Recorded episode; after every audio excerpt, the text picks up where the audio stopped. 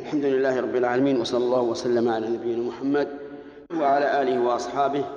ومن اتبعهم بإحسان إلى يوم الدين نبدأ هذا اللقاء بتفسير سورة قاف والقرآن المجيد حيث انتهينا ولله الحمد من تفسير سورة الحجرات أولا البسملة سبق الكلام عليها وأنها آية مستقلة يؤتى بها في ابتداء كل سورة إلا سورة براءة فإن الصحابة رضي الله عنهم لم يكتبوا أمامها بسملة ولكنهم جعلوا فاصلا بينها وبين آخر سورة الأنفال وليس هناك ذكر يذكر بدلا عن البسملة كما يوجد في بعض هوامش في كما يوجد في هوامش بعض المصاحف حيث كتب أعوذ بالله من النار ومن كيد الفجار ومن غضب الجبار العزة لله ولرسوله وللمؤمنين وهذا لا شك أنه كلام بدعي لا أثر لا أصل له ولا صحة له يقول الله عز وجل بسم الله الرحمن الرحيم قاف والقرآن المجيد قاف حرف من الحروف الهجائية التي يتركب منها الكلام العربي وهي كسائر الحروف ليس لها معنى في حد ذاتها ومن المعلوم أن القرآن نزل باللسان العربي وإذا كانت هذه الحروف ليس لها معنى باللسان العربي فهي كذلك ليس لها معنى في كتاب الله عز وجل من حيث المعنى الذاتي لها لا وأما بالنسبة للمغزى العظيم الكبير فلها مغزى عظيم كبير ألا وهو أن هذا القرآن الذي أعجز العرب مع بلاغتهم وفصاحتهم ليس لم يأتي بشيء جديد من حروف ليسوا يعرفونها بل هم بل هو بالحروف التي يعرفونها ومع ذلك عجزوا عن أن يأتوا بمثله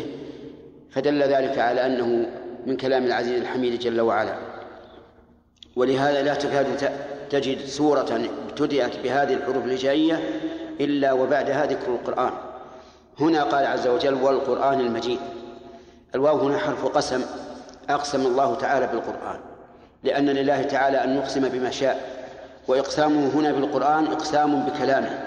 وكلام الله تعالى من صفاته وقد ذكر أهل العلم رحمهم الله أنه يجوز الإقسام بالله تعالى أو بصفة من صفاته وأما آياته فلا يقسم بها إلا إذا قصد الإنسان بالآيات كلماته كالقرآن الكريم والتوراة والإنجيل وما أشبه ذلك وأما الآيات الكونية كالشمس والقمر فلا يجوز لنا أن نقسم بها أما الله عز وجل فله أن يقسم بما شاء القرآن مأخوذ من قرأ إذا تلا أو من قرأ إذا جمع ومنه القرية لأن الناس يجتمعون فيها والقرآن يتضمن المعنيين فهو متلو وهو مجموع أيضا القرآن المجيد أي ذو المجد وهي العظمة والسلطان المطلق فالقرآن له عظمته العظيمة مهيمن مسيطر على جميع الكتب السابقة حاكم عليها ليس محكوما عليه وهو أيضا مجيد به يمجد ويعلو ويظهر من تمسك به وهذا كقوله تعالى بل هو قرآن مجيد في لوح محفوظ بل قرآن مجيد بل عجبوا أن جاءهم منذر منهم فقال الكافرون هذا شيء عجيب هنا لا لا يتراءى للإنسان التالي جوابه القسم فاختلف العلماء رحمهم الله في مثل ذلك هل له قسم هل له جواب أو جوابه يعرف من السياق أو يعرف من المقسم به فيه أقوال متعددة للعلماء وأظهر ما يكون أن نقول إن مثل هذا التركيب لا يحتاج إلى جواب في القسم إلى جواب للقسم لأنه معروف من عظمة المقسم عليه فكأنه أقسم بالقرآن على صحة القرآن فالقرآن المجيد لكونه مجيدا كان دليلا على أنه حق وأنه منزل من عند الله عز وجل وحينئذ لا يحتاج القسم إلى جواب لأن الجواب في ضمن القسم بل عجبوا أن جاءهم منذر منهم فقال الكافرون هذا شيء عجيب عجبوا الواو تعود على المكذبين للرسول عليه الصلاة والسلام الذين كذبوا رسالته كذبوا بالقرآن كذبوا بالبعث كذبوا باليوم الآخر ولهذا عجبوا أن جاءهم منذر منهم عجبوا عجب استغراب واستنكار وإنما قلنا ذلك لأن العجب تارة يراد به الاستنكار والتكذيب وتارة يراد به الاستحسان فقول عائشة رضي الله عنها كان النبي صلى الله عليه وسلم يعجبه التيمم في تنعله وترجله وطهوره وفي شأنه كله المراد بالعجب هنا ايش؟ الاستحسان وقوله هنا بل عجبوا أن جاءهم منذر منهم المراد به الاستنكار والتكذيب أن جاءهم منذر منهم ليس بعيدا عنهم هو منهم نسبا وحسبا و... ومسكنا يعرفونه ومع ذلك قالوا هذا شيء عجيب أإذا متنا وكنا ترابا ذلك رجع بعيد لما جاءهم محمد رسول الله صلى الله عليه وسلم أخبرهم بأن الناس سوف يبعثون وسوف يجازون ويحاسبون تعجبوا كيف هذا؟ أي أيحيا الإنسان بعد أن كان رفاة قال الكافرون هذا شيء عجيب أإذا متنا وكنا ترابا إذا من المعروف أنها ظرفية وكل ظرف يحتاج إلى عامل فما عاملها العامل محذوف دل عليه ما بعده والتقدير أإذا متنا وكنا ترابا نرجع ونبعث ثم قال ذلك رجع بعيد ولهذا يحسن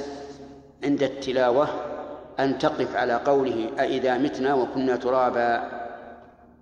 لأن قوله ذلك رجع بعيد جملة استئنافية لا علاقة لها من حيث الإعراب بما قبلها إذا نقول إذا ظرف وكل ظرف يحتاج إلى إيش إلى عامل فأين العامل في الآية محذوف التقدير أإذا متنا وكنا ترابا نرجع ونبعث والاستفهام هنا بمعنى الإنكار والتكذيب كأنهم يقولون لا يمكن أن نرجع ونبعث بعد أن كنا ترابا وعظاما ولكن بين الله عز وجل أنه قادر على ذلك فلما قالوا ذلك رجع بعيد ومرادهم بالبعد هنا الاستحالة هم يرون أن ذلك مستحيل وربما تلطف بعضهم وقال ذلك رجع بعيد فهم تارة ينكرون إنكارا مطلقا ويقولون هذا محال وتارة يقولون هذا بعيد قال الله تعالى مبينا قدرته على ذلك قد علمنا ما تنقص الأرض منه الأرض تأكل الإنسان إذا مات فالله تعالى يعلم ما تنقص الأرض منه من أجزاء بدنه ذرة بعد ذرة ولو أكلته الأرض وقوله ما تنقص الأرض منهم قد يفيد إنها لا تأكل كل الجسم وفي ذلك تفصيل أما الأنبياء فإن الأرض لا تأكلهم مهما داموا في قبورهم لقول النبي صلى الله عليه وسلم إن الله حرم على الأرض أن تأكل أجساد الأنبياء وأما غيرهم فقد يبقى الجسم مدة طويلة لا تأكله الأرض إلى ما شاء الله وقد تأكله الأرض لكن إذا أكلته الأرض فإنه يبقى عجب الذنب عجب الذنب هو عبارة عن جزء يسير من العظم في أسفل الظهر هذا يبقى بإذن الله ما لا تأكله الأرض كأنه يكون نواة للجسم عند بعثه يوم القيامة فإن منه يخلق الآدمي في قبره فإذا تم نفخ في الصور ثم قاموا من قبورهم لله عز وجل قد علمنا ما تنقص الأرض منهم وإذا كان الله تعالى عالما بما نقصت الأرض فهو قادر على أن يرد هذا الذي نقصته الأرض عند البعث وعندنا كتاب حفيظ عند الله تعالى كتاب حفيظ أي حافظ لكل شيء قال الله تعالى كلا بل تكذبون بالدين وإن عليكم لحافظين كراما كاتبين يعلمون ما تفعلون قال تعالى بل كذبوا بالحق لما جاءهم وهذا نعم وعندنا كلام بل كذبوا بالحق لما جاءهم بل هنا للإضراب الانتقالي وليس للإضراب وليست للإضراب الإبطالي لأن الأول ثابت والثاني زائد عليه وهذا هو الفرق بين بل التي للإضراب لإضراب الإبطال وبين بل التي لإضراب الانتقال فصارت بل بل للإضراب دائما لكن إن كانت تبطل الأول فسموها إضراب إبطال وإن كانت لا تبطله فهو إضراب انتقال كأنه انتقل من موضوع إلى آخر بل كذبوا بالحق لما جاءهم ولكن قلوبهم موقنة إلا أن ألسنتهم تكذب كما قال تعالى عن آل فرعون وجحدوا بها واستيقنتها أنفسهم ظلما وعلوا بل كذبوا بالحق لما جاءهم ولما هنا بمعنى حين فهي ظرف وليست حرفا لما جاءهم فهم في أمر مريج ألف هنا للتعقيب والسببية والمعنى فهم لما كذبوا بالحق في أمر مريج أي مختلط اختلط عليهم الأمر والعياذ بالله وهذا كقوله تعالى ونقلب أفئدتهم وأبصارهم ايش؟ كما لم يؤمنوا به أول مرة يعني لأنهم لم يؤمنوا به أول مرة ونذرهم في طغيانهم يعمهون هؤلاء لما كذبوا صاروا في أمر مريج التبس عليهم الأمر ترددوا في أمرهم وهكذا يم... كل إنسان يرد يرد الحق أول مرة فليعلم أنه سيبتلى بالشك والريب في قبول الحق في المستقبل ولهذا يجب علينا من حين أن نسمع أن هذا الشيء حق أن نقول سمعنا وأطعنا خلافا لبعض الناس الآن تقول أمر الرسول بهذا يقول طيب الأمر للإجابة ولا للاستحباب سبحان الله افعل ما أمرك به سواء على الوجوب أو على الاستحباب فإذا ترددت لأن معنى قوله هل هو للوجوب ولا للاستحباب معناه إذا كان للاستحباب فأنا في حل منه إذا كان للوجوب فعلت فعلته غلط هذا قل سمعنا وأطعنا ثم إذا وقعت المخالفة فحينئذ ربما يكون من آه، ربما يكون السؤال عنه هل هو واجب أو مستحب ربما يكون وجيها أما قبل فلا قد يقول قائل أنا أسأل هل هو واجب أو أو مستحب لأن هناك فرقا بين الواجب والمستحب أي أيهما أحب إلى الله؟ الواجب أحب إلى الله فأنا أفعله من أجل إذا اعتقدت أنه واجب أثاب عليه ثواب واجب وإذا اعتقدت أنه سنة أثاب عليه ثواب سنة قلنا نعم هذا هذا طيب لكن ثواب انقيادك للحق لأول مرة وبكل سهولة وبدون سؤال أفضل من من كونك تعتقده واجبا أو مستحبا وإذا كان الله قد ألزمك قد أوجبه عليك أثابك ثواب الواجب وإن كنت لا تدري فالانقياد وتمام الانقياد أفضل بكثير من كوني أعتقد هذا واجب أو مستحب ويقول عز وجل فهم في أمر مريج ثم قال أفلم ننظر إلى السماء استدل بالآيات الكونية على صحة الآيات الشرعية ويأتي إن شاء الله الكلام عليها في الدرس القادم في الجلسة القادمة وقد وصلنا إلى قوله تعالى قد علمنا ما تنقص الأرض منهم وعندنا كتاب حفيظ بل كذبوا بالحق لما جاءهم فهم في أمر مريج قال الله عز وجل أفلم ينظروا إلى السماء كيف بنيناها وزيناها وما لها من فروج الاستفهام هنا للتوبيخ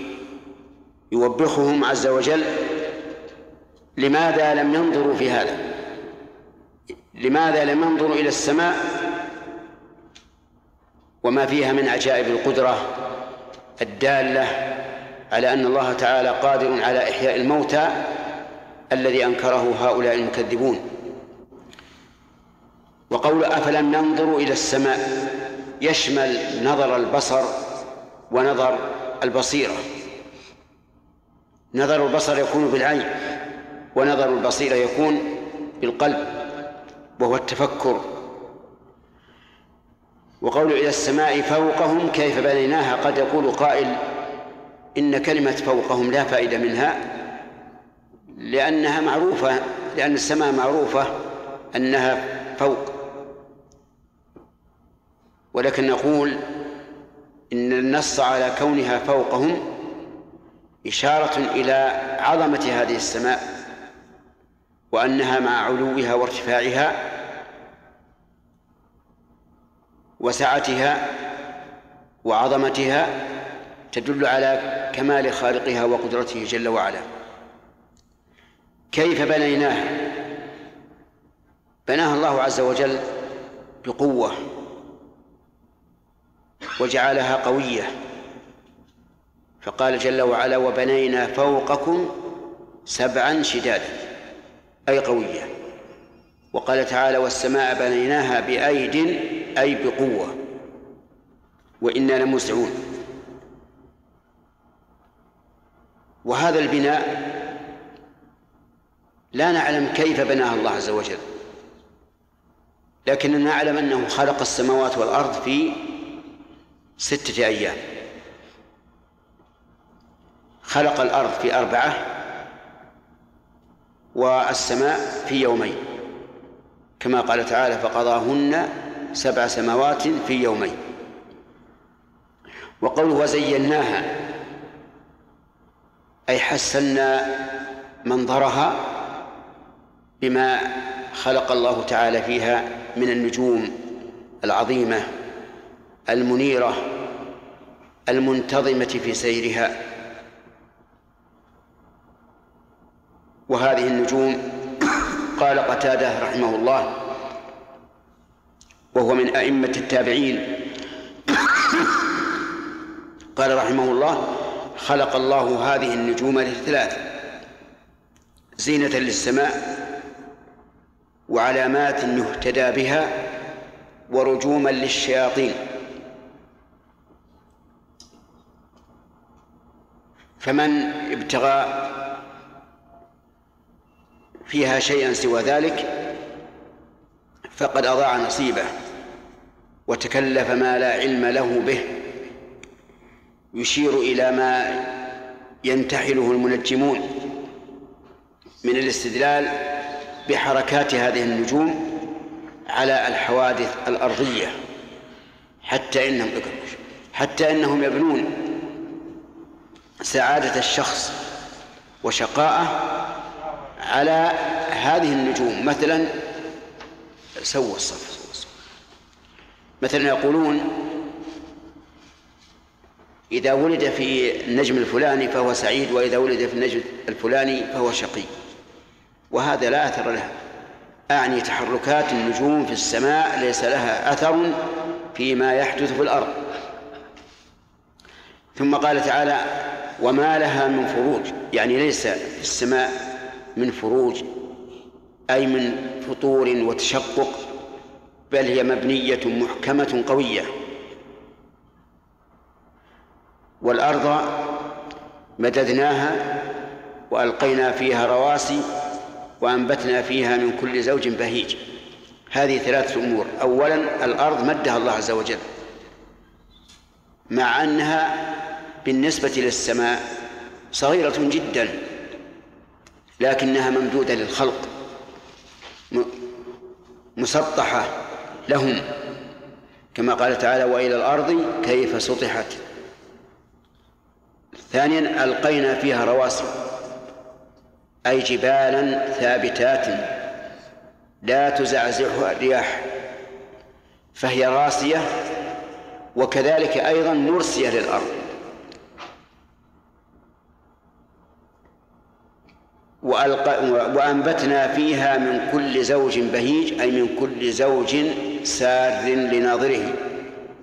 والمراد بالزوج هنا الصنف يعني أن ما ينبت في الأرض أصناف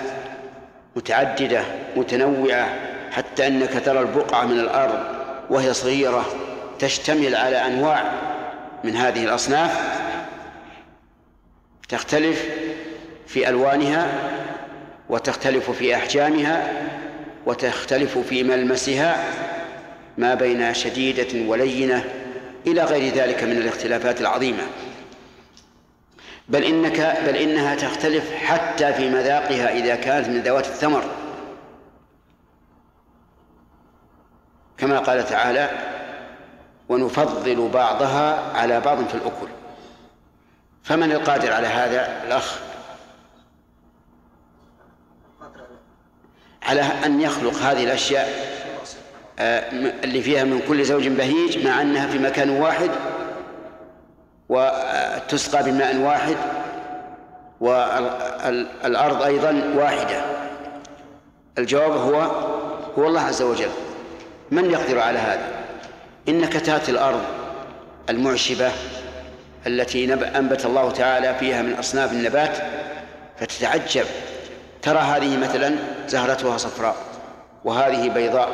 وهذه بنفسجية وهذه منفتحة وهذه منضمة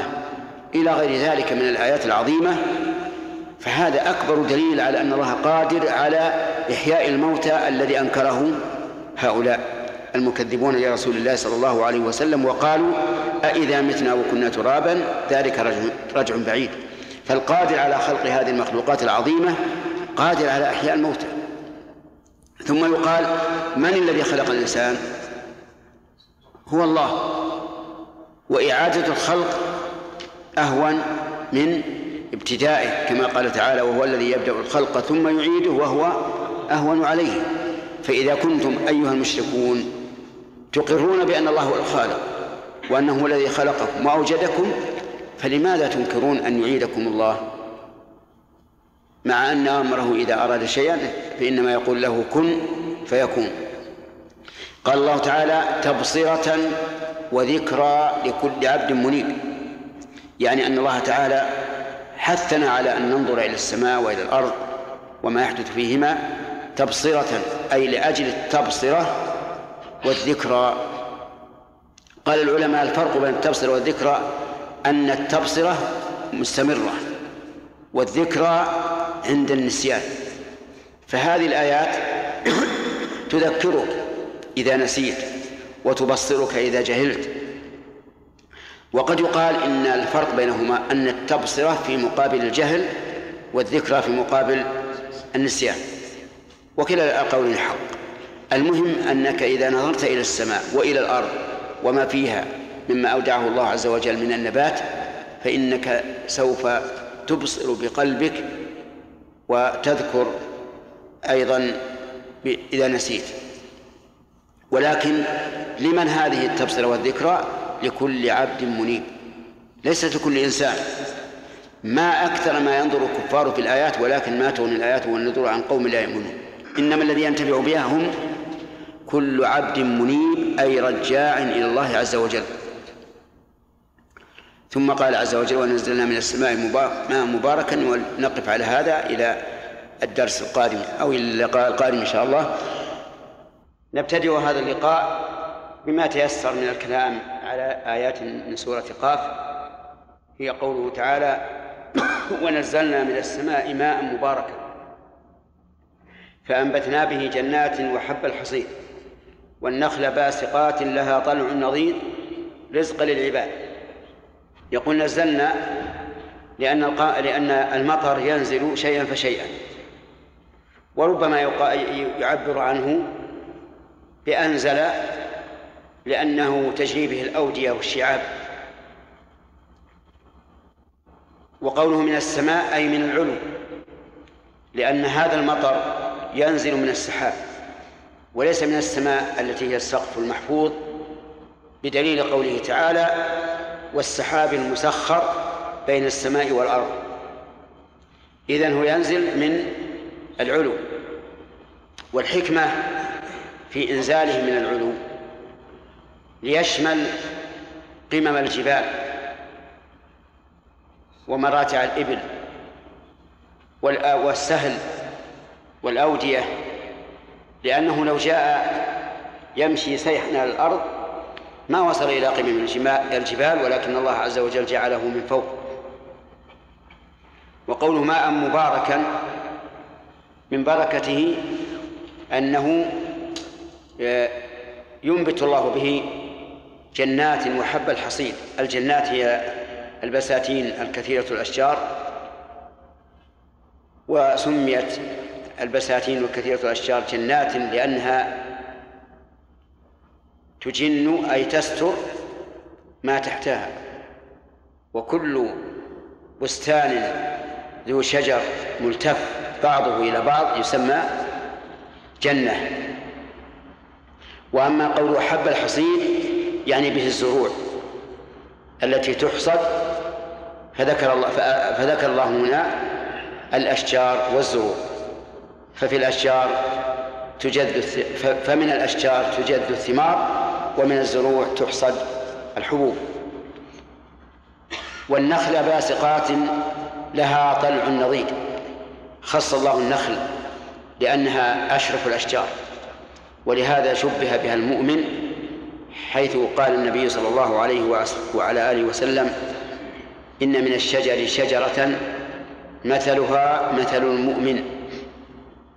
قال ابن عمر رضي الله عنهما فذهب الناس يخوضون في شجر البوادي كل يقول هي الشجرة الفلانية يقول ابن عمر فوقع في قلبي أنها النخلة لكني كنت أصغر القوم يعني فاستحيا أن يتكلم وهو أصغرهم فقال النبي صلى الله عليه وسلم هي النخلة وهي الشجرة المذكورة في قول الله تعالى ومثل كلمة طيبة كشجرة طيبة أصلها ثابت وفرعها في السماء فلهذا خصها هنا بالذكر فقال والنخل باسقات أي عاليات لها طلع نضيد أي منضود فالطلع في شماريخه تجده منضودا من أحسن ما يكون من النضد ومع ذلك تجد هذه الثمرات تسقى بالشمراخ الدقيق اللين مع أنه قد يكون فيه أحيانا فوق ثلاثين حبة أو أكثر لها طلع نظيف رزقا للعباد أي فعلنا ذلك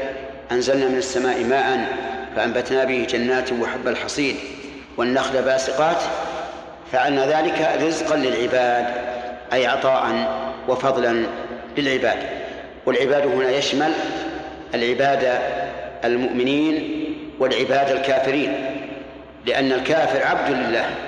كما قال الله تعالى إن كل من في السماوات والأرض إلا آت الرحمن عبدا والمراد هنا العبودية الكونية القدرية أما العبودية الشرعية فلا يكون عبدا لله إلا من كان ممتثلا لأمره مجتنبا لنهيه مصدقا بخبره إذا للعباد يشمل الكفار والمؤمنين وأحيينا به بلدة ميتا أحيينا به أي بالماء الذي نزله من السماء بلدة ميتا بلدة لما كانت مؤنثة اللفظ مذكرة المعنى صح أن توصف بوصف مذكر بلدة ميتة أي بلدا ميتا أحياه بهذا الماء الذي نزل, نزل من السماء كيف يحياه تجد الأرض هامدة خاشعة ليس فيها نبات فإذا أنزل الله المطر عجت بالنبات واخضرت وازدهرت فهذه حياة بعد بعد الموت كذلك الخروج أي مثل ذلك الإحياء الخروج من خروج الناس من قبورهم لله عز وجل وإنما ذكر الله تعالى الخروج لأن من عباد الله من أنكر ذلك زعم الذين كفروا أن لن يبعثوا وحجتهم أنهم قالوا من يحيي العظام وهي رمي كيف تحيا العظام بعد أن رمت وصارت ترابا هذا مستنكر عندهم بعيد ولكن الله سبحانه وتعالى بين أنه ليس ببعيد وأنه كما يشاهدون الأرض الميتة ينزل عليه المطر فتحيا إذا فالقادر على إحياء الأرض بعد موتها بنزول المطر قادر على إحياء الأموات بعد موتهم وهذا قياس جلي واضح كذلك الخروج كذبت قبلهم قوم نوح وأصحاب الرس وثمود وعاد وفرعون وإخوان لوط وأصحاب الأيكة وقوم التبع ذكر الله هؤلاء المكذبين لفائدتين الفائدة الأولى تسلية الرسول صلى الله عليه وسلم بأنه ليس أول رسول كذب بل قد كذبت الرسل من قبله كما قال تعالى ما يقال لك إلا ما قد قيل للرسل من قبلك فهو قيل إنه شاعر وقيل إنه مجنون وقيل إنه كاهن وقد قال الله تعالى كذلك ما أتى الذين من قبلهم من رسول إلا قالوا ساحر أو مجنون هذه فائدة لذكر قصص الأمم السابقة وهي ايش؟ تسلية النبي صلى الله عليه وسلم لأن الإنسان إذا رأى غيره قد أصيب بمثل مصيبته يتسلى بلا شك وتهون عليه المصيبة الفائدة الثانية تحذير المكذبين للرسول للرسول صلى الله عليه وسلم ولهذا كل قال في آخر ما ما ذكر كل كذب الرسل فحق وعيد فحق عليهم وعيد الله بالعذاب وقد قال عز وجل فكلا أخذنا بذنبه يعني كل واحد من هذه الأمم جوزي بمثل ذنبه فعوقب بمثل ذنب بمثل ذنبه مثلا كذبت قبلهم قوم نوح وأصحاب الرسل وثمود قوم نوح كذبوا نوح عليه الصلاة والسلام وقد لبث فيهم ألف سنة إلا خمسين عاما يعني تسعمائة وخمسين سنة وهو يدعوهم إلى الله عز وجل ولكن لم يستفيدوا من ذلك شيئا كلما دعاهم ليغفر الله لهم جعلوا أصابعهم في آذانهم واستغشوا ثيابهم تغطوا واستكبروا استكبارا وبقي فيهم هذه المدة وقد قال الله تعالى في النهاية وما آمن معه إلا قليل كذب قبل قوم نوح وأصحاب الرس وثمود أصحاب الرس قوم جاءهم نبيهم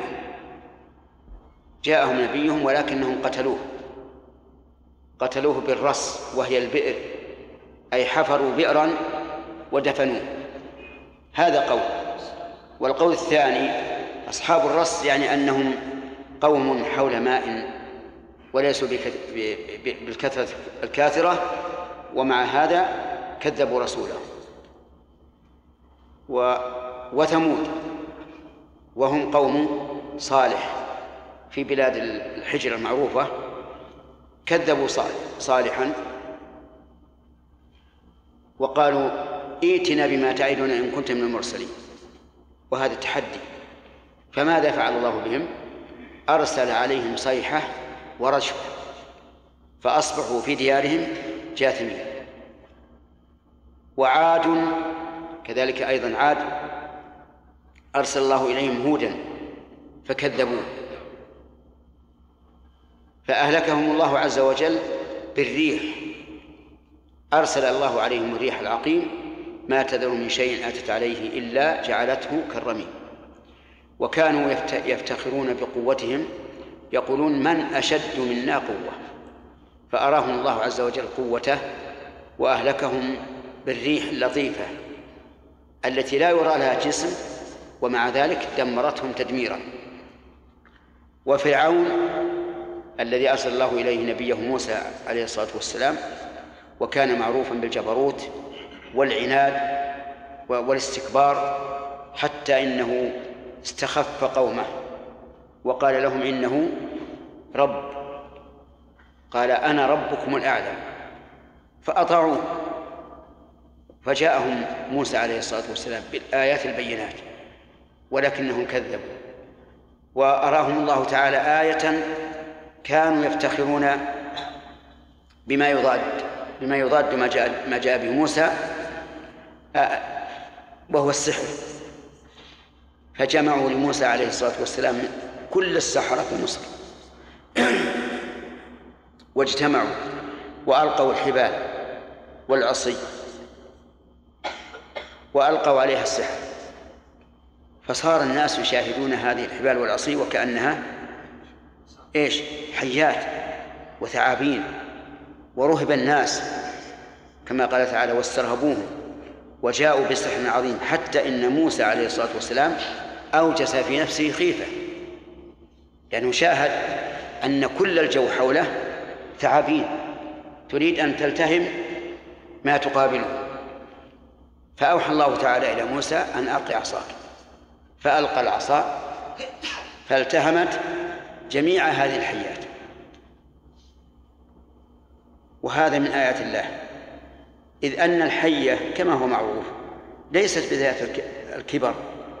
لكن تأكل هذا وكأن هذا يذهب بخارا إذا أكلت هذه الحبال والعصي السحرة رأوا أمرا أدهشهم ولم يملكوا أنفسهم إلا أن يؤمنوا ومع ذلك إيمانا تاما ألقي السحرة ساجدين وتأمل قوله تعالى ألقي السحر في ساجين ولم يقل سجن كأن هذا شيئا اضطرهم إلى السجود كأنهم سجدوا بغير اختيار لقوة ما رأوا من من الآية العظيمة ومع هذا مع هذا الآية البينة الواضحة على صدق موسى عليه الصلاة والسلام لم يؤمن فرعون وقال إن هؤلاء لشرذمة قليلون وإنهم لنا لغائظون فهم بأن يهجم على موسى ومن معه من المؤمنين فأمر الله موسى أن يخرج من مصر إلى جهة المشرق نحو البحر الأحمر فامتثل أمر الله خرج من مصر إلى إلى هذه الناحية فتبعهم فرعون بجنوده على حنق يريد أن يقضي على موسى وقومه فلما وصلوا إلى البحر قال موسى قال قوم موسى له إنا لمدركون قال كلا يعني لن ندرك إن معي ربي سيهدين فأوحاه أوحى الله إليه أن يضرب بعصاه البحر البحر الذي عرضه مسافات طويلة فضرب البحر فانفلق البحر اثني عشر طريقا وصارت قطع الماء كأنها الجبال وصارت هذه الطرق التي كانت ريا من الماء وطينا زلقا صارت طريقا يبسا بإذن الله بلحظة فدخل موسى وقومه عابرين من أفريقيا إلى آسيا من طريق البحر فلما تكاملوا داخلين دخل فرعون وقومه نعم فلما تكاملوا داخلين وخارجين إلى الناحية الشرقية دخل فرعون وقومه فلما تكاملوا في الدخول أمر الله البحر فانطبق عليهم فلما أدرك فرعون الغرق أعلم آمنت أنه لا إله إلا الذي آمنت به بنو إسرائيل وتأمل أن أنه لم يقل آمنت بالله قال آمنت بالذي آمنت به بنو إسرائيل لماذا؟ إذلالا لنفسه حيث كان ينكر على بني إسرائيل ويهاجمهم فأصبح عند الموت يقر بأنه تبع لهم وأنه من أذنابهم يعني أنه يمشي خلفهم ولكن ماذا قيل له؟ قيل له الآن تؤمن بالذي آمنت به بنو إسرائيل وأنك من المسلمين وقد عصيت قبل وكنت من المفسدين فلم تقبل توبته لأنه لم يتب إلا حين حضره الموت والتوبة بعد حضور الموت لا تنفع كما قال الله تعالى وليست التوبة للذين يعملون السيئات حتى إذا حضر أحدهم الموت قال إني تبت الآن لا تنفع التوبة إذا حضر الموت نسأل الله تعالى أن يمن علينا وعليكم بتوبة قبل الموت ولكن الله قال فاليوم ننجيك ببدنك لتكون لمن خلفك آية ننجيك ببدنك يعني لا بروحك الروح فارقت البدن لكن البدن بقي طافيا على الماء لماذا؟ بين الله الحكمة لتكون لمن خلفك آية لأن بني إسرائيل قد أرعبهم فرعون فلو لم يتبين لهم أنه غرق بنفسه لكانت أوهامهم تذهب كل مذهب لعله لم لعله لم يغرق لعله يخرج علينا من ناحية أخرى فأقر الله أعين بني إسرائيل بأن شاهدوا جسمه غارقا في الماء لتكون من خلفك آية ويأتي إن شاء الله بقية الكلام على آه، ما ذكر من هؤلاء الأقوام في اللقاء القادم الذي سيكون إن شاء الله عند ابتداء الدراسة ظاهر إننا وصلنا إلى إذ يتلقى المتلقيان يعني عن يمين وعن يمشي المهم على ذمتك ومسؤوليتك قال الله تعالى كذبت قبلهم قوم نوح واصحاب الرس وثمود وعاد وفرعون واخوان لوط واصحاب الايكه وقوم تبع كل كذب الرسل حق وعيد انتهينا على حسب كلام الاخ موسى على ذمته الى قول الله تبارك وتعالى واخوان لوط اخوان لوط يعني قوم لوط أرسل إليهم لوط عليه الصلاة والسلام لأنهم كانوا والعياذ بالله يأتون الذكران ويدعون النساء أي أن الواحد يجامع الذكر ويدعو النساء كما قال لهم عليه الصلاة والسلام أتأتون الذكران من العالمين وتذرون ما خلق لكم ربكم من أزواجكم بل أنتم قوم عادون دعاهم إلى الله عز وجل وأنذرهم وخوفهم من هذا الفعل الرذيل ولكنهم أصروا عليه فأرسل الله عليهم حجارة من طين مسومة يعني معلمة كل حجارة عليها علم يعني علامة على من تنزل عليه وتصعق وهذه الخصلة الرذيلة من أقبح الخصال ولهذا كان كان حدها في الشريعة الإسلامية القتل بكل حال يعني أنها أعظم من الزنا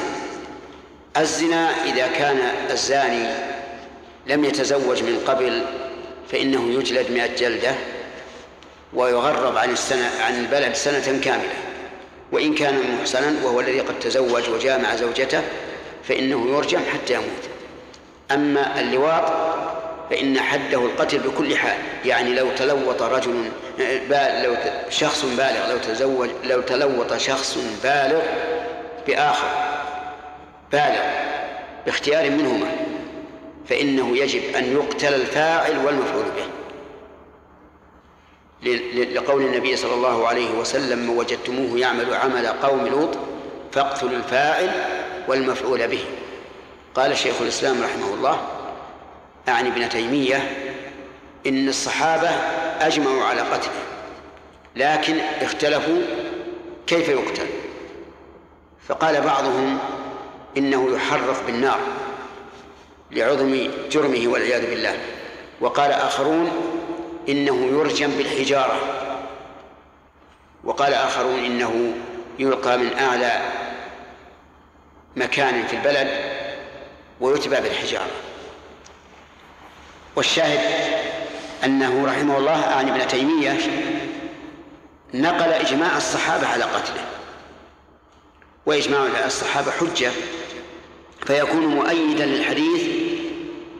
من وجدتموه يعمل عمل قوم لوط فاقتلوا الفاعل والمفعول به ولأن هذه الفاحشة الكبرى والعياذ بالله فاحشة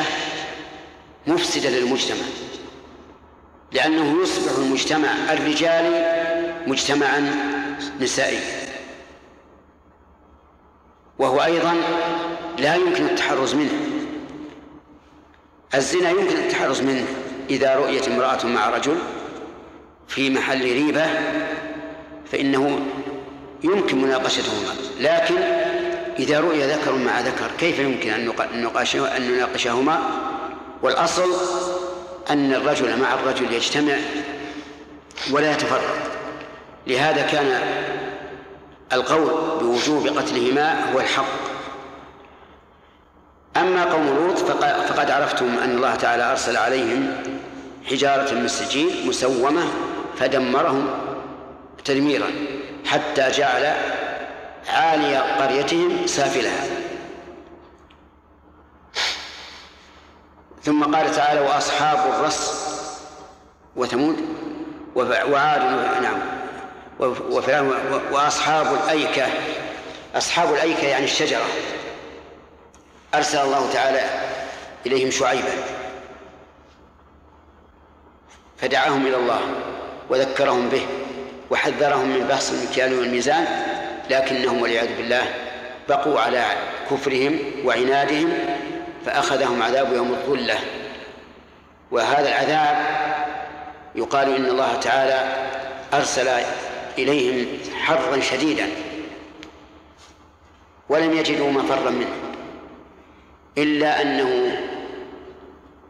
أرسلت قمامة واسعة باردة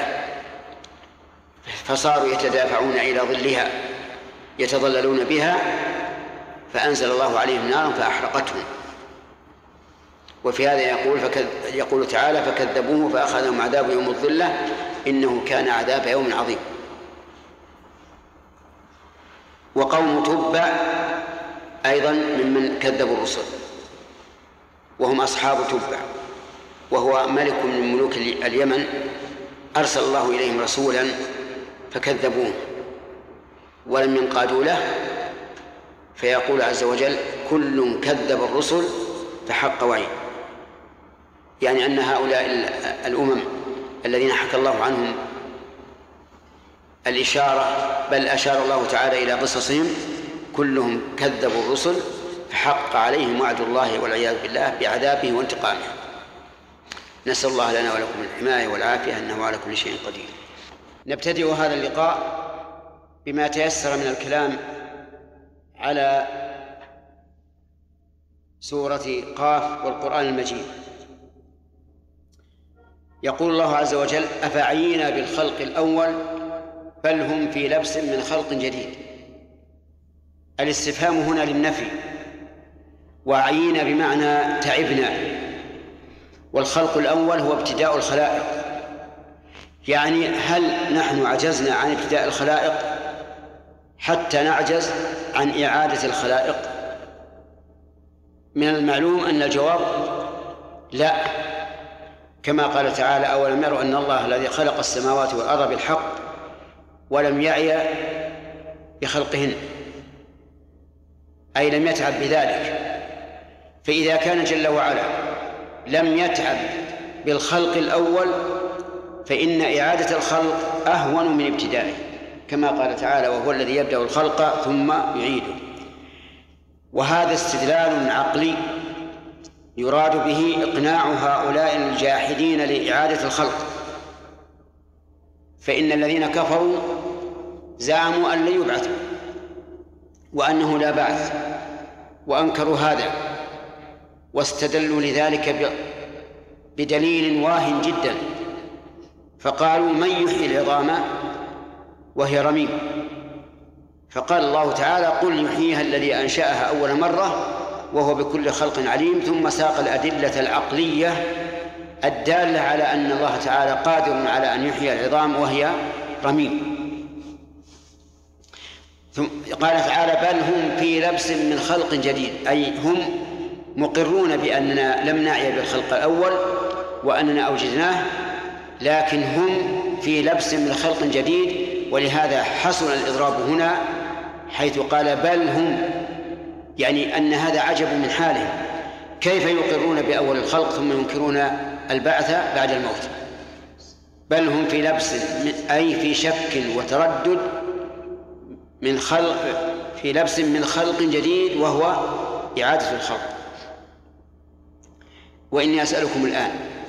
هل القادر على ابتداء الخلق يكون قادرا على إعادته من باب أولى الجواب نعم وهذا دليل عقلي لا يمكن لأي إنسان أن يفر منه ثم قال عز وجل مستدلا على على قدرته على البعث ولقد خلقنا السماوات والأرض نعم. ولقد خلقنا الإنسان ونعلم ما توسوس به نفسه يعني ابتدأنا خلقه فأوجدناه وجعلنا له عقلا وسمعا وبصرا وتفكيرا وحديثا للنفس ونعلم ما توسوس به نفسه يعني ونحن نعلم ما توسوس به نفسه أي ما تحدثه به نفسه دون أن ينطق به فالله تعالى عالم به بل إن الله عالم بما سيحدث به نفسه في المستقبل والإنسان نفسه لا يعلم ماذا يحدث به نفسه في المستقبل انظر الآن ما يوسوس به الإنسان ما نفسه في الحاضر يعلمه الإنسان أليس كذلك؟ والله تعالى يعلمه ونقول بل الله يعلم ما سوف يوسوس ما سوف توسوس به نفسه في المستقبل والإنسان لا يعلم يعني أن الله يعلم ما ما ستوسوس به نفسك غدا وبعد غد وإلى أن تموت وأنت لا تعلم إذا كان الله يعلم ما توسوس به النفس فما الذي يوجب لنا هذا العلم يوجب لنا مراقبة الله سبحانه وتعالى وألا نحدث أنفسنا بما يغضبه وبما يكرهه علينا أن يكون حديث نفوسنا كل كله بما يرضيه علينا أن يكون حديث نفوسنا كله بما يرضيه لأنه يعلم ذلك أفلا يليق بنا أن نستحي من ربنا عز وجل أن توسوس نفوسنا بما لا يرضى قال الله ونحن قال الله تعالى ونحن أقرب إليه من حبل الوريد إذ يتلقى المتلقيان عن اليمين وعن الشمال قعيد نحن أقرب إليه من حبل الوريد حبل الوريد هو الأوجاج وهي وهما العرقان العظيمان المحيطان بالحلقوم يسمى الوريد ويسمى الوجه وجمعه أوداج ويضرب المثل فيهما آه، ويضرب المثل بهما في القرب يقول نحن أقرب إليه من حبل الوريد أي شيء أقرب إليك أقرب شيء إلى قلبك هو حبل الوريد هذا أقرب من المخ وأقرب من كل شيء فيه الحياة هما الوريد الوريدان إذ يتلقى المتلقيان عن اليمين وعن الشمال قعيد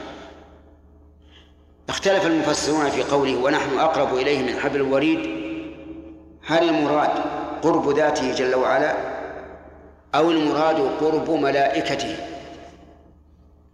والصحيح أن المراد قرب ملائكته ووجه ذلك أن قرب الله تعالى صفة عالية لا تليق أن تكون شامل لا يليق أن تكون شاملة لكل إنسان لأننا لو قلنا إن المراد قرب ذات الله لكان قريبا من الكافر وقريبا من المؤمن انتبهوا لماذا يلزم ذلك عجيب لأن الله قال خلقنا الإنسان أي إنسان خلق المؤمن والكافر ونحن أقرب إليه إلى هذا الإنسان الذي خلقناه من حبل الوريد فإذا قلنا الآية الشاملة وقلنا إن القرب هنا القرب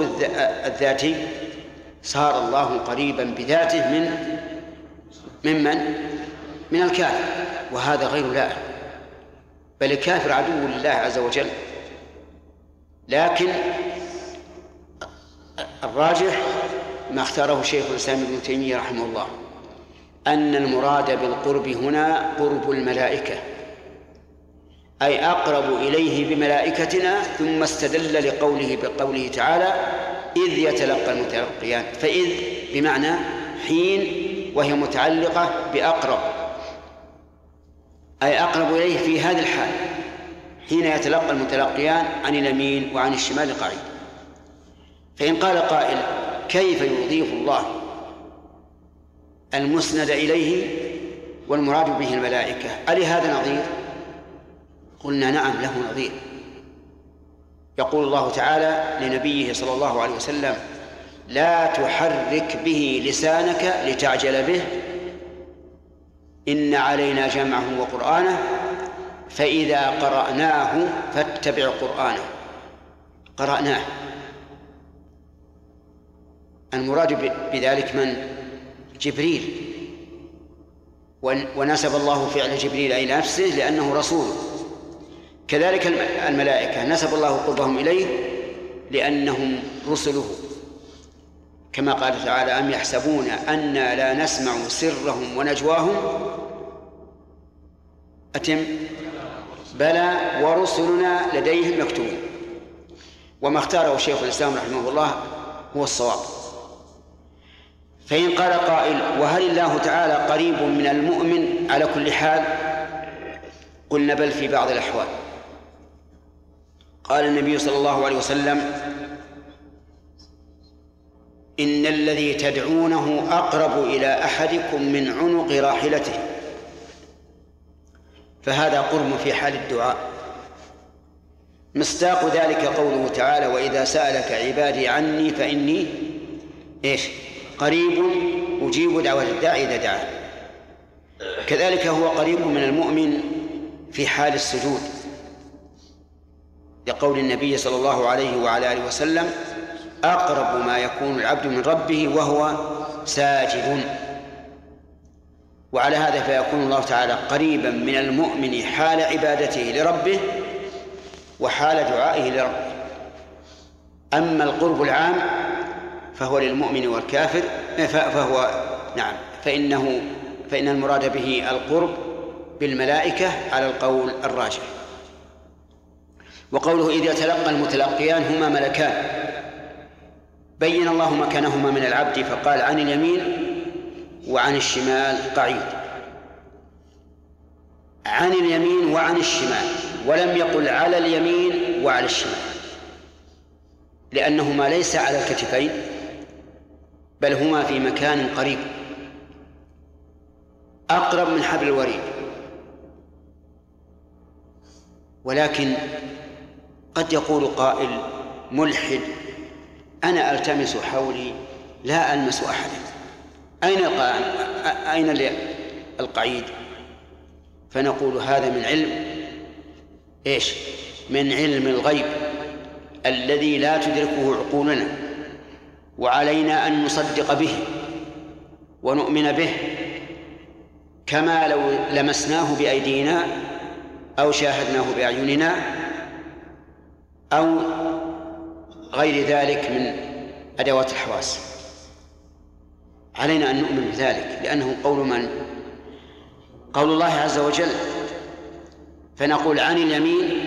وعن الشمال قاعد قاعد مستقر أحدهما يكتب الحسنات والثاني يكتب السيئات هذا المكتوب عرضة للمحو والإثبات المكتوب الذي بأيدي الملائكة عرضة للمحو والإثبات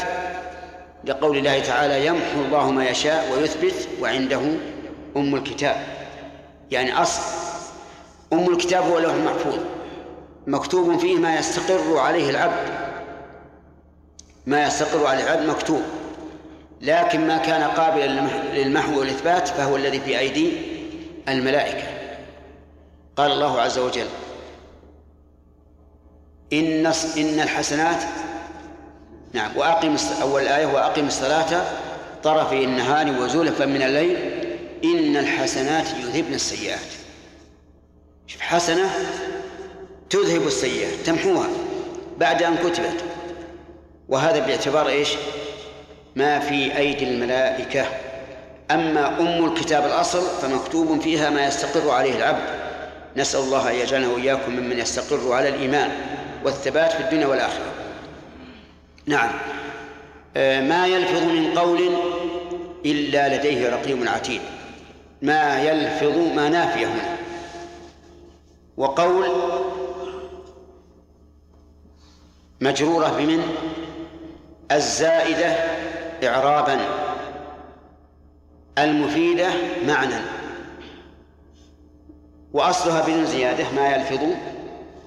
قولا لكن تأتي حروف الجر أحيانا زائدة في الإعراب لكنها تفيد معنى التوكيد ولهذا النفي إذا اقترن المنفي بمن الزائدة أو بالباء الزائدة مثل وما ربك بظلام للعبيد فإنه أوكب في العموم من النفي المجرد من حرف الجر الزائد طيب ما يلفظ من قول إذا جعلنا من زائدة إعرابا مفيدة معنى فما فائدة معناها التوكيد على العموم أي أي قول يلفظه الإنسان لديه رقيب عتيد سبحان الله رقيب مراقب ليلا ونهارا لا ينفك عن الإنسان عتيد حاضر ما يمكن يغيب ويوكل غيره هو قاعد مراقب حاضر لا يفوته شيء من قول أي قول نقول عجيب يا أخواني كل قول كل قول لأن من هذه زائدة هو قول نكرة في سياق النفي فهي العموم أي قول يكون وظاهر الآية الكريمة أن القول مهما كان يكتب سواء كان خيرا أم شرا أم لغوا يكتب لكن المحاسبة على ما كان خيرا أو شرا ولا يلزم من الكتابة أن يحاسب الإنسان عليها وهذا ظاهر اللفظ وهو أحد القولين لأهل العلم ومن العلماء من يقول إنه لا يكتب إلا الحسنات والسيئات فقط أما اللغو فلغو لا يكتب فأي القولين أولى الأول أولى وهو العموم أما النتيجة فواحدة لأنه حتى على القول بأنه بأن الكاتب يكتب كل شيء يقولون إنه لا يحاسب إلا على الحسنات والسيئات لكن كوننا نقول بالعموم هو المطابق لظاهر الآية ثم هو الذي فيه الدليل على أن الملكين لا يفختان ولا يتركان شيئا مما يدل على كمال عنايتهما بما ينطق به الإنسان وبناء على ذلك يجب علينا أيها الإخوة أن نحترز غاية الاحتراز من أقوال اللسان فكم زلة لسانية أوجبت الهلاك والعياذ بالله قال ابن قال أبو هريرة رضي الله عنه في الرجل الذي قال والله لا يغفر الله لفلان فقال الله من ذا الذي يتألى علي ألا أغفر لفلان قد غفرت له وأحبطت عملك قال إنه تكلم بكلمة أوبقت دنياه وآخرته نسأل الله العافية احذر لسانك أن تقول فتبتلى إن البلاء موكل بالمنطق احذر آفات اللسان إن النبي صلى الله عليه وسلم جعل حفظ اللسان ملاك الأمر كله فقال عليه الصلاة والسلام لمعاذ بن جبل أفلا أدلك على ملاك ذلك كله قلت بلى يا رسول الله قال أخذ بلسان نفسه وقال كف عليك هذا لا تطلق لا تتكلم قال يا رسول الله وإنا لمؤاخذون بما نتكلم, بما نتكلم به فقال له ثكلتك أمك يا معاذ وهل يكب الناس في النار على وجوههم أو قال على مناخرهم إلا حصائد ألسنتهم فالمؤمن يجب أن يحذر لسانه حتى أن الرسول عليه نعم يجب أن يحذر لسانه فإنه آفة عظيمة ولهذا قال الرسول عليه عليه الصلاة والسلام من كان يؤمن بالله واليوم الآخر فليقل خيرا أو ليصمت وحينئذ نعرف أن الصمت مفضل على الكلام لأن الكلام قد لا يدري الإنسان أخير هو أم شر ثم إني أقول لكم الكلمة إذا إذا أطلقتها وخرجت من فمك فهي كالرصاصة تطلقها على ولدك هل يمكنك أن تمنع الرصاصة إذا خرجت من فوهة البندقية لا خلاص انطلقت تفسد أو تصلح كذلك الكلمة فالعاقل يمنع لسانه ولا يتكلم إلا بخير والخير إما في ذات المتكلم به وإما في غيره يعني قد يكون الكلام ليس خيرا لا بنفسه لكنه خير من جهة آثاره قد يتكلم الإنسان بكلام اللغو في مجلس هو الكلام ما فيه ليس أمرا بمعروف ولا نهي عن منكر وليس إثما ووزرا لكن يتكلم من أجل أن يفتح الباب للحاضرين لأن أحيانا تستولي على المجلس الهيبة ولا أحد يتكلم فيبقى الناس كأنهم في غم فيتكلم من أجل أن يفتح الباب للناس وتنشرح صدورهم ويحصل تبادل الكلام الذي قد يكون نافعا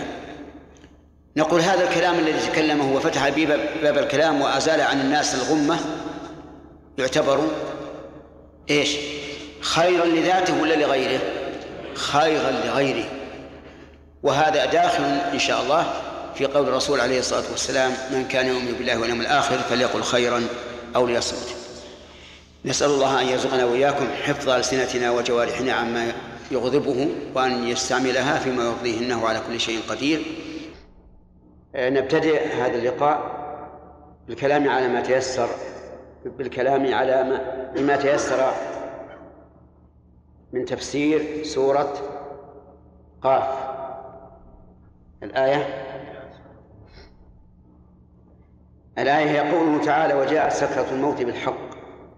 ذلك ما كنت منه تحين ونفخ في الصور ذلك يوم الوعيد وجاءت كل نفس معها سائق وشهيد جاءت سكرة الموت السكرة هنا هي تغطية العقل كالإغماء ونحوه وقد قال النبي صلى الله عليه وسلم إن للموت سكرات وعلى هذا فيكون قول سكرة الموت مفردا مضافا فيشمل الواحدة أو أكثر وقول بالحق أي أن الموت حق كما جاء في الحديث الموت حق والجنة حق والنار حق فهي تأتي بالحق وتأتي أيضا بحق اليقين فإن الإنسان عند الموت يشاهد ما توعد به وما وعد به لأنه إن كان مؤمنا بشر بالجنة وإن كان كافرا بشر بالنار أعاذنا الله وإياكم منها ذلك أي الموت ما كنت منه تحيد اختلف المفسرون فيما هل هي نافية فيكون المعنى ذلك الذي لا تحيد منه ولا تنفك منه أو إنها موصولة والمعنى ذلك الذي كنت تحيد منه ولكن لا مفر منه فعلى الأول ذلك يكون معنى الآية ذلك الذي لا تحيد منه بل لا بد منه وقد قال الله تعالى قل إن الموت الذي تفرون منه فإنه ملاقيكم وتأمل يا أخي قل إن الموت الذي تفرون منه فإنه ملاقيكم ولم يقل فإنه مدرككم وما ظنك بشيء تفر منه وهو يلاقيك إن فرارك منه يعني يعني دنوك منه في الواقع لو كنت فارا من شيء وهو يقابلك فكلما أسرعت في الجري أسرعت في ملاقاته ولهذا قال فإنه ملاقيكم في الآية الثانية أينما تكونوا يدرككم الموت ولو كنتم في بروج مشيدة لأنه ذكر في هذه الآية الثانية أن الإنسان مهما كان في تحصنه فإن الموت سوف يدركه على كل حال هنا يقول ذلك ما كنت منه تحيد يعني ذلك الذي لا محيد لك عنه المعنى الثاني في ما أن تكون إيش موصولة أي ذلك الذي كنت تحيد منه وتفر منه في حياتك قد وصلك وأدركك وعلى كل حال ففي الآية التحذير من التهاون بالأعمال الصالحة والتكاسل عن التوبة وأن الإنسان يجب أن يبادر لأنه لا يدري متى متى يأتيه الموت ثم قال ونفخ في الصور ذلك يوم الوعيد النافخ في الصور هو ملك وكله الله تعالى به يسمى إسرافيل والنفخ في الصور نفختان الأولى نفخة الصعب فيسبقها فزع ثم صعب والثانية نفخة البعث وبينهما أربعون وقد سئل أبو, أبو هريرة راوي الحديث ما المراد بالأربعين فقال أبيت أي أني لا أدري ما المراد بالأربعين التي ذكرها النبي صلى الله عليه وسلم المهم أن المراد بقوله هنا نفخ في الصور النفخة الثانية بدليل قوله ذلك يوم الوعيد وهذا يعني أنه بهذه النفخة صار يوم القيامة الذي هو يوم الوعيد فإن قال قائل يوم القيامة يوم وعيد ويوم وعد وعيد لمن؟ للكفار وعد للمؤمنين فلماذا ذكر الله تعالى هنا الوعيد دون الوعد لأن السورة كلها في مبدوءة بتكذيب المكذبين للرسول عليه الصلاة والسلام فناسب أن يغلب فيها جانب الوعيد قاف والقرآن المجيد بل عجبوا أن جاءهم منذر منهم إلى آخره فكان من الحكمة أن يذكر الوعيد دون الوعد ومع ذلك فقد ذكر الله تعالى أصحاب الجنة فيما بعد لأن القرآن مثاني وجاءت كل نفس معها سائق وشهيد جاءت يعني يوم القيامة كل نفس أي كل إنسان كل بشر ويحتمل أن يكون المعنى كل نفس من بني الإنسان ومن الجن أيضا ممن يلزمون بالشرائع لأننا إن نظرنا إلى السياق وهو قوله ولقد خلقنا الإنسان ونعلم ما توسوس به نفسه إلى آخره قلنا المراد بالنفس هنا نفس الإنسان وإذا نظرنا إلى أن الشرائع تلزم الجن كما تلزم الإنس قلنا إن وأن الإنس وأن الجن يحشرون يوم القيامة ويدخل مؤمنهم الجنة وكافرهم النار قلنا إن هذا عام فالله أعلم بما أراد معها سائق يسوق وشهيد يشهد عليها بما عملت لأن هؤلاء الملائكة عليهم الصلاة والسلام قد وكلوا بكتابة أعمال بني آدم من خير وشر وكما سبق أنهم يكتبون كل شيء الخير والشر واللغو لكن لا يحاسب الإنسان إلا على الخير أو الشر ثم قال تعالى لقد كنت في غفلة من هذا كنت الخطاب لمن؟ للإنسان وفيه ما يسمى يرحمك الله فيه ما يسمى بالالتفات الالتفات معناه أن ينتقل الإنسان في أسلوبه من خطاب إلى غيبة أو من غيبة إلى خطاب أو من تكلم إلى غيبة المهم أن تختلف الضمائر وفائدة ذلك الالتفات أنه يشد ذهن السامع فبينما الكلام على نسق واحد إذا به يختلف انظر إلى قوله تعالى ولقد أخذ الله ميثاق بني إسرائيل وبعده وبعثنا منهم اثني عشر نقيبا ولم يقل وبعث وانظر إلى الفاتحة نقرأها كل يوم في كل ركعة من صلواتنا الحمد لله رب العالمين الرحمن الرحيم مالك يوم الدين بعده إياك نعبد ولم يقل إياه نعبد وسياق الآيات للغائب الحمد لله ما هو المخاطب ما قلت الحمد لك يا رب فالمهم أن الالتفات أسلوب من أسلوب اللغة العربية وفائدته شد ذهن السامع لما يلقى إليه من الكلام لقد كنت في غفلة من هذا وكما تعلمون أن الجملة هنا مؤكدة بثلاثة مؤكدات لقد كنت وهي كثيرة كثيرة الوقوع في القرآن دائما لقد كنت لقد كان لقد جاء هذه الجملة يقول العلماء إنها مؤكدة بثلاث مؤكدات الأول القسم والثاني اللام والثالث قد إذ أن التقدير والله لقد كنت في غفلة من هذا وهنا نطرح سؤالا أليس خبر الله تعالى حقا وصدقا سواء أكد أم لم يؤكد بلى لا شك لكن ما دام القرآن نزل باللسان العربي فإنه لا بد أن يكون التأكيد في موضعه وعدم التوكيد في موضعه لأن المقصود أن يكون هذا الكلام هذا القرآن في أعلى مراتب البلاغة لقد كنت أي أيها الإنسان في غفلة من هذا أي كنت غافل عن هذا اليوم ساهي في الدنيا كأنك خلقت لها فكشفنا عنك غطاءك يعني هذا اليوم كشف الغطاء وبان الخفي واتضح كل شيء فبصرك اليوم حديد أي قوي بعد أن كان في الدنيا أعشى أعمى غافل لكن يوم القيامة يوم تجد كل نفس ما عملت من خير محضرة يتبين كل شيء نسأل الله تعالى أن يحسن لنا ولكم الخاتمة والعاقبة وأن يحشرنا مع الذين أنعم الله عليهم من النبيين والصديقين والشهداء والصالحين أه، نبتدئ هذا اللقاء كما هي العادة بالكلام على تفسير كلام الله عز وجل الذي هو أشرف الكلام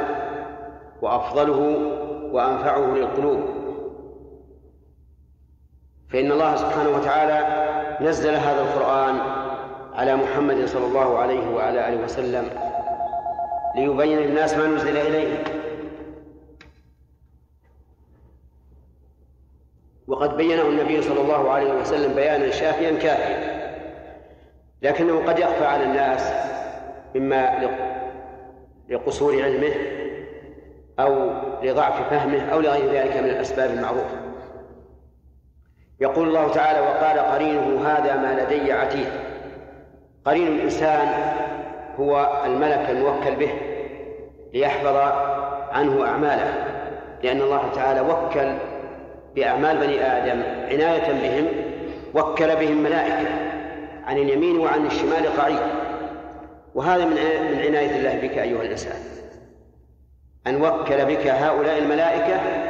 يعلمون ما تفعل ويكتبونه لا يزيدون فيه ولا ينقصون منه يقول هذا ما لدي عتيد أي حاضر ويحضر للإنسان فيقال ألقيا في جهنم كل كفار عنيد قوله ألقيا في جهنم قد يشكل على طالب العلم لأنه قال وقال قرينه هذا ما لدي عتيد قرين مفرد أو أو مثنى قرين نعم مفرد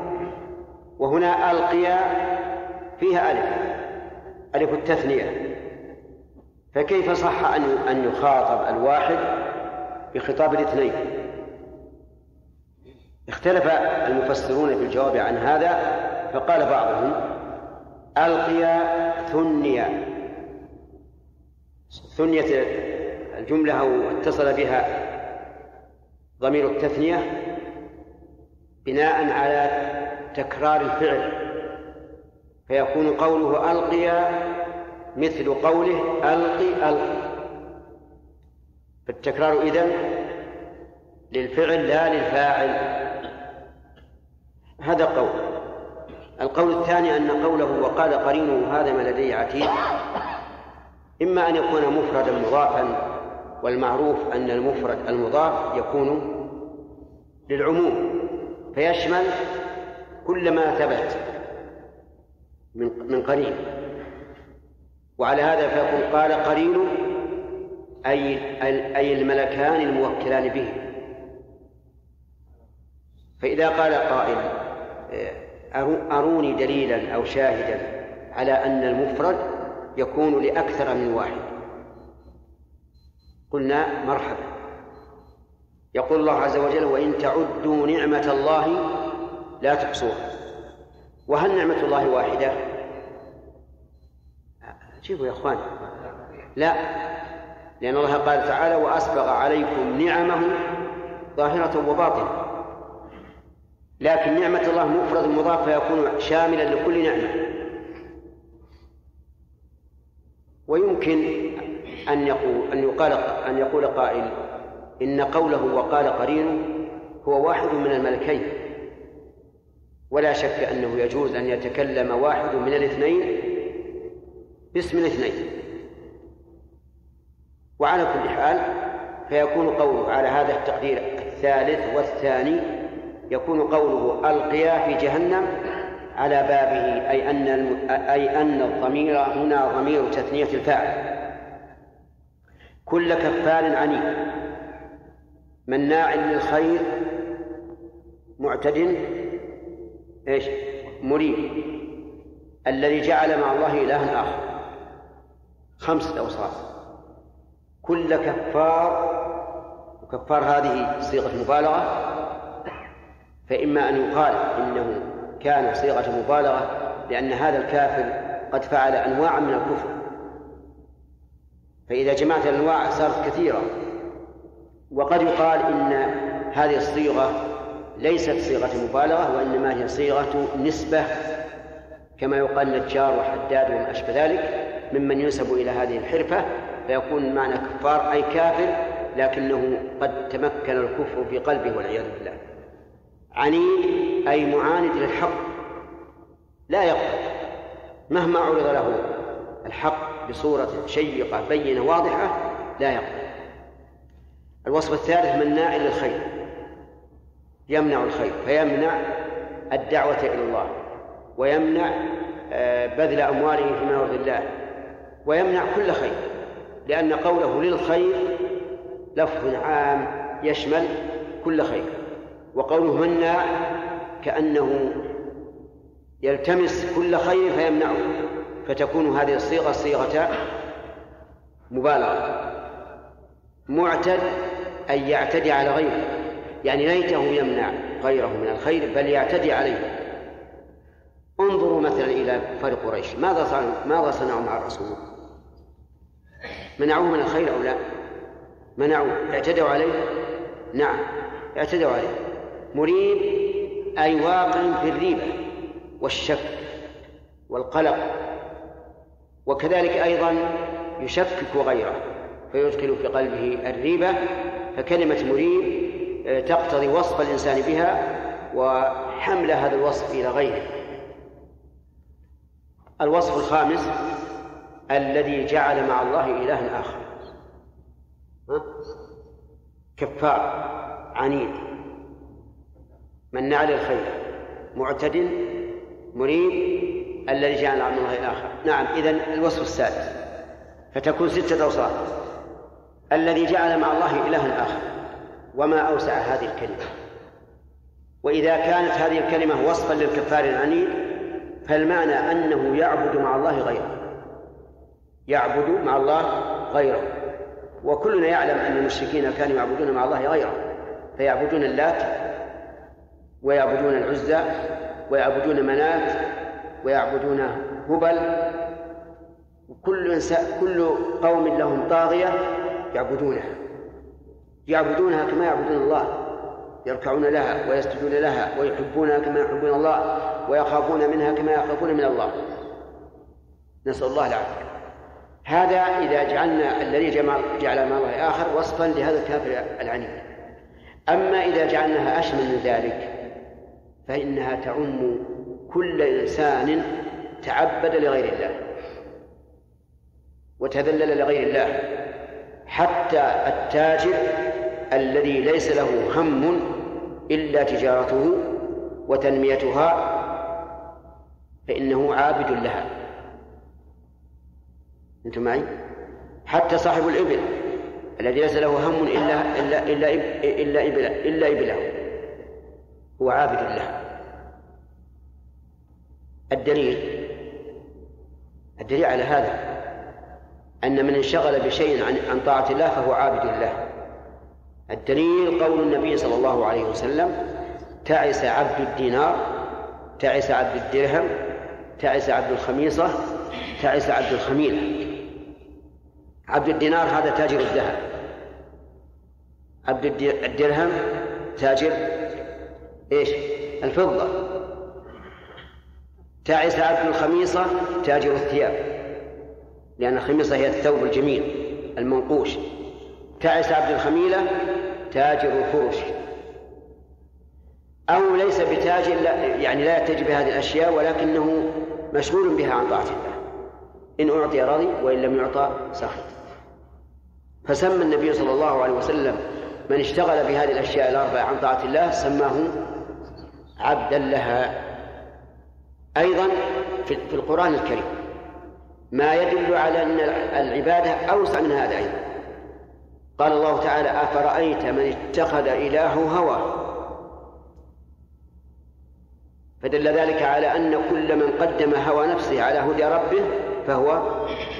ايش قد قد اتخذه إلها ولهذا يمكننا أن نقول إن جميع المعاصي داخلة في الشرك بهذا المعنى ما هو المعنى؟ أنه قدمها على إيش؟ على مرضاة الله تعالى وطاعته فجعل هذا شريكا لله عز وجل في تعبده له واتباعه إياه فالشرك أمره عظيم وخطره جسيم حتى الرجل إذا تصدق بدرهم وهو يلاحظ لعل الناس يرونه ليمدحوه ويقولون انه رجل كريم يعتبر ايش؟ ايش؟ مشركا مراعيا والرياء شرك الرياء شرك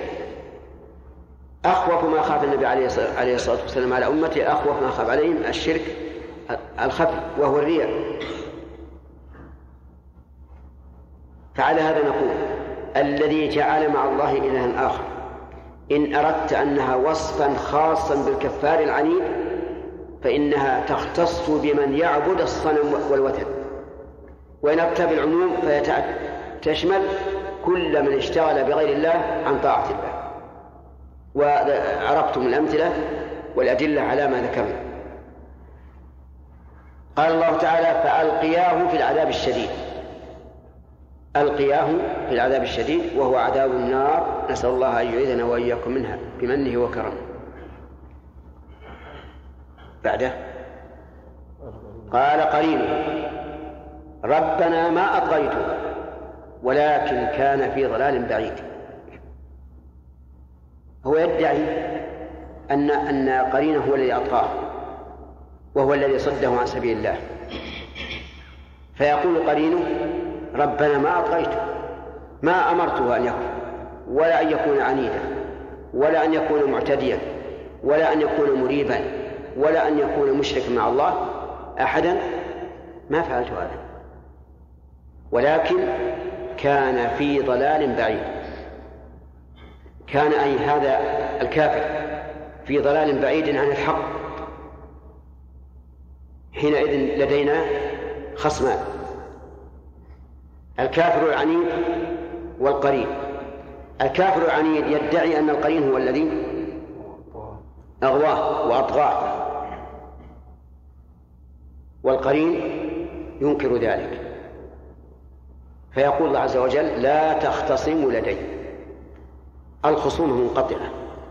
لأن الحجة قائمة ولا عذر لأحد وقد قدمت إليكم بالوعيد أي أوعدتكم على المخالفة فلا حجة لكم ما يبدل القول لدي وما أنا بظلام للعبيد يعني لا أحد يستطيع أن يبدل قولي لأن الحكم لله عز وجل وحده فإذا كان الله تعالى قد وعد أو أوعد فهو صادق الوعد سبحانه وتعالى وأما الإعاد فقد يغفر ما شاء من الذنوب إلا آه، الشرك وما أنا بظلام للعبيد يعني لست أظلم أحدا وكلمة ظلام لا تظن أنها صيغة مبالغة وأن المعنى أني لست كثير الظلم بل هي من باب النسبة أي لست بذو بذي ظلم والدليل على أن هذا هو المعنى وأنه يتعين أن يكون هذا المعنى قوله تبارك وتعالى إن الله لا يظلم إيش مثقال ذرة وإن تك حسنة يضاعفها ويقول عز وجل ومن يعمل من الصالحات وهو مؤمن فلا يخاف ظلما ولا هضما ويقول عز وجل ولا يظلم ربك أحدا والآيات في هذا كثيرة أن الله لا يظلم بل إننا إذا تأملنا وجدنا أن فضل الله وإحسانه أكثر من من عدله جزاء سيئة إيش سيئة مثله جزاء حسنة عشرة أمثال لو لو أردنا نأخذ بالعدل لكان السيئة بسيئة والحسنة بحسنة لكن فضل الله زائد على عدله عز وجل فهو سبحانه وتعالى يجزي بالفضل والإحسان لمن كان محسنا وبالعدل بدون زيادة لمن كان مسيئا ما يبدل القول لدي وما أنا بالظلام للعبيد ويأتي إن شاء الله بقية الكلام على هذه السورة نسأل الله تعالى أن ينفعنا وإياكم بما علمنا وأن يجعل علمنا دالا لنا على مرضاته إنه على كل شيء قدير نبدأ فيه كما هو العادة بتفسير آيات من كتاب الله عز وجل ونحن في سورة قاف عند قوله تبارك وتعالى يوم نقول لجهنم هل امتلأت وتقول هل من مزيد يوم هذه ظرف زمان والظروف الزمانية والمكانية وكذلك حروف الجر لا بد لها من متعلق أي لا بد لها من فعل أو ما كان بمعنى الفعل تتعلق به فما هو متعلق قوله يوم نقول لجهنم نقول هو محذوف التقدير اذكر يوم نقول لجهنم وليعلم أنه يوجد في اللغة العربية كلمات تحذف بل ربما جمل تحذف وذلك فيما إذا دل عليها السياق فهنا الكلمة التي تتعلق بها كلمة يوم محذوفة تقدير اذكر يوم نقول لجهنم هل امتلأت وتقول هل من مزيد يسألها الله عز وجل هل امتلأت وهو يعلم سبحانه وتعالى أنها امتلأت أو لم تمتلئ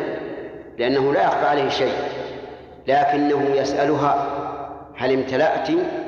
ليقرر لها ما وعدها سبحانه وتعالى فإن الله يقول وتمت كلمة ربك لأملأن جهنم من الجنة والناس أجمعين فيسأله هل امتلأت يعني هل حصل ما وعد ما وعد الله به لأن الله تكفل بأن يملأ الجنة ويملأ النار فتقول هل من مزيد هل هنا اسم استفهام لا هل هنا أداة استفهام وهي حرف هل هي استفهام طلب أو استفهام نفي انتبهوا للفرق هل هي استفهام طلب بمعنى أنها تطلب الزيادة أو استفهام نفي بمعنى أنها تقول لا مزيد على ما فيه في هذا للعلماء قولان القول الأول أن المعنى هل من مزيد أي لا مزيد على ما ما فيه وهل تأتي لاستفهام آه، لاستفهام النفي كما بقوله تعالى هل من خالق غير الله يرزقكم من السماء والأرض أي ما من خالق وعلى هذا فتكون النار امتلأت إذا قالت لا مزيد على ذلك فالمعنى أنها امتلأت وقيل هل للطلب أي تطلب الزيادة وإذا اختلف العلماء في التفسير أو غير التفسير فالمرجع إلى ما قاله الله ورسوله فلننظر أي القولين أولى بالصواب ثبت عن النبي صلى الله عليه وعلى آله وسلم أنه قال لا تزال جهنم يلقى فيها وهي تقول هل من مزيد حتى يضع رب العزة عليها قدمه أو قال عليها رجله فينزوي بعضها إلى بعض وتقول قط قط فأي أي القولين أولى بالصواب أنها استفهام طلب يعني تطلب الزيادة ولكن رحمة الله سبقت غضبه يضع عليها عز وجل رجله على الوجه الذي أراد ثم ينزوي بعضها ينضم بعضها إلى بعض وتتضايق وتقول لا مزيد على ذلك أول تطلب ثم ينتهي الموضوع فحقت كلمة الله أنه ملأ جهنم من الجنة والناس أجمع في الحديث الذي سقته إثبات القدم أو الرجل لله عز وجل فهل هو قدم حقيقة أو قدم بمعنى المقدم يعني يضع الرب عز وجل من يقدمهم إلى النار حتى يملأها وهل الرجل الرجل الحقيقة أو الرجل بمعنى الطائفة لأنه يقال رجل من جرائد مثل طائفة من جرائد أيهما أولى الأول يعني أن المراد رجل حقيقة لله عز وجل إلا أنها لا تشبه أرجل المخلوقين بأي وجه من الوجوه نعلم علم اليقين أنها ليست مثل أيدي المخلوقين مثل أرجل المخلوقين من أين علمنا أنها ليست مثل أرجل المخلوقين لا من أين علمنا أن رجل الله لا تشبه ولا تماثل أرجل المخلوقين إيش لا لا انتبه انتبه ها؟ من من قوله من قوله تعالى ليس كمثله شيء وهو السميع البصير طيب والمقصود من قوله تعالى يوم أن نقول جهنم هو تحذير الناس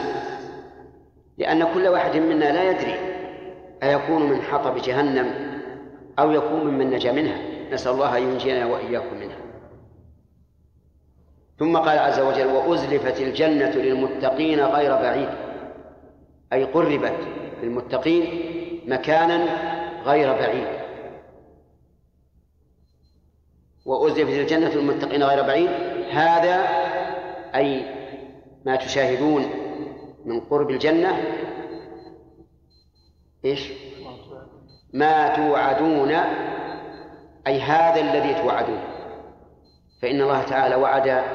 المؤمنين العاملين الصالحات وعدهم الجنة وصدق وعد وعده عز وجل ولكن لمن لكل أواب حفيظ الأواب صيغة مبالغة من آب يؤوب بمعنى رجع أي لكل أواب إلى الله أي رجاع إليه حفيظ أي حفيظ لما أمره الله به وهذا كقول النبي صلى الله عليه وعلى آله وسلم لعبد الله بن عباس احفظ الله يحفظك المعنى أنه حفيظ لأوامر الله لا يضيعها ولا يقابلها بكسل وتواني بل هو نشيط فيها وإذا أذنب بترك واجب أو فعل محرم تجده يرجع إلى الله لكل أواب فهو أواب رجع إلى الله تعالى من المعاصي إلى الطاعات وكذلك حفيظ حافظ لما أمر الله به محافظ عليه قائم به هذا ما تعادون لكل أواب حفيظ من خشي الرحمن بالغيب وجاء بقلب منيب من هذه بدل مما سبقها خشي الرحمن أي خافه عن علم وبصيرة لأن الخشية لا لا تكون إلا بعلم الدليل قوله تعالى إنما يخشى الله من عباده العلماء فهي خشية أي خوف ورهبة وتعظيم الله عز وجل لأنها صادرة عن علم وقوله من خشى الرحمن بالغيب لها معنيان المعنى الأول أنه خشي الرحمن مع مع أن مع أنه لم يره لكن رأى آياته الدالة عليه والمعنى الثاني خشيه بالغيب أي بغيبته عن الناس يخشى الله وهو غائب عن الناس لأن من الناس من يخشى الله إذا كان بين الناس وما إذا انفرد فإنه لا يخشى الله مثل من؟ المراعي المنافق إذا كان مع الناس تجده من أحسن الناس خشية إذا انفرد لا يخشى الله كذلك أيضا من الناس من يكون عنده خشية ظاهرية لكن القلب ليس خاشيا لله عز وجل فيكون بالغيب أي بما غاب عن الناس سواء كان في عمل في عمله في مكان خاص أو ما غاب عن الناس في قلبه فإن خشية القلب هي الأصل وجاء بقلب منيب أي جاء يوم القيامة بقلب منيب أي رجاع إلى الله عز وجل يعني أنه مات وهو منيب منيب إلى الله فهو كقوله ولا تموتن إلا وأنتم مسلمون المعنى أنه بقي على الإنابة والرجوع إلى الله عز وجل إلى أن مات إلى أن لقي الله لأن الأعمال بالخواتيم نسأل الله أن يختم لنا ولكم بالخير ثم قال تعالى ادخلوها بسلام ذلك يوم الخلود ادخلوها أمر هل هو أمر إلزام أو أمر إكرام عجيب إكرام أمر إكرام لأن الآخرة ما فيها تكليف وإلزام بل إما إكرام وإما إهانة فقوله تعالى في المجرمين ادخلوا أبواب جهنم هذا أمر إهانة وقوله في المؤمنين هنا ادخلوها بسلام هذا أمر إكرام وقوله بسلام الباء هنا للمصاحبة المعنى دخولا مصحوبا بسلام سلام من إيش؟ سلام من كل آفة أصحاب الجنة سالمون من الأمراض وسالمون من الهرم وسالمون من الموت وسالمون من الغل وسالمون من الحسد وسالمون من كل شيء كل شيء يطلب فيه السلامة فأهل الجنة سالمون ادخلوها بسلام ذلك أي هذا اليوم يوم الخلود أي اليوم الذي لا هلاك بعده خلود دائم سرمدي لا نهاية له لهم ما يشاءون فيها أي لهؤلاء المتقين ما يشاءون فيها أي في الجنة ولدينا مزيد يعني مزيد على ما يتمنون ويشاءون لأن الإنسان بحكمه مخلوقا يعجز عن أن يستقصي كل شيء وتنقطع أمنيته بحيث لا يدري ما يتمنى لكن هؤلاء أهل الجنة كل ما يشتهون فيها فإنه موجود طيب لو اشتهى الإنسان ثمرة معينة كرمان أو عنب أو ما أشبه ذلك يجدها يجدها في أي وقت في أي وقت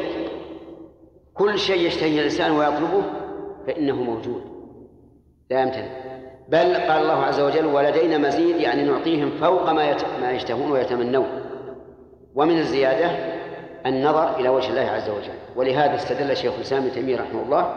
وغيره من اهل العلم بهذه الايه على اثبات رؤيه الله عز وجل وقال ان هذه الايه لهم ما يشاءون فيها ولدينا مزيد كقوله تعالى للذين احسنوا الحسنى وزياده نسال الله تعالى ان يجعلنا واياكم منهم وان يرزقنا النظر إلى وجهه الكريم في جنات النعيم والحمد لله رب العالمين وصلى الله وسلم على نبينا محمد وآله وصحبه أجمعين وإلى الأسئلة والقاعدة أن لكل واحد سؤال وأن من كان في ساكنا معنا في البلد هنا فلا حظ له في السؤال لكنه سينتفع إن شاء الله بالاستماع وكنا قد بدأنا بسورة قاف حتى انتهينا إلى قوله تعالى وكما أهلكنا قبلهم من قرن هم أشد منهم بطشا فنقبوا في البلاد هل من محيص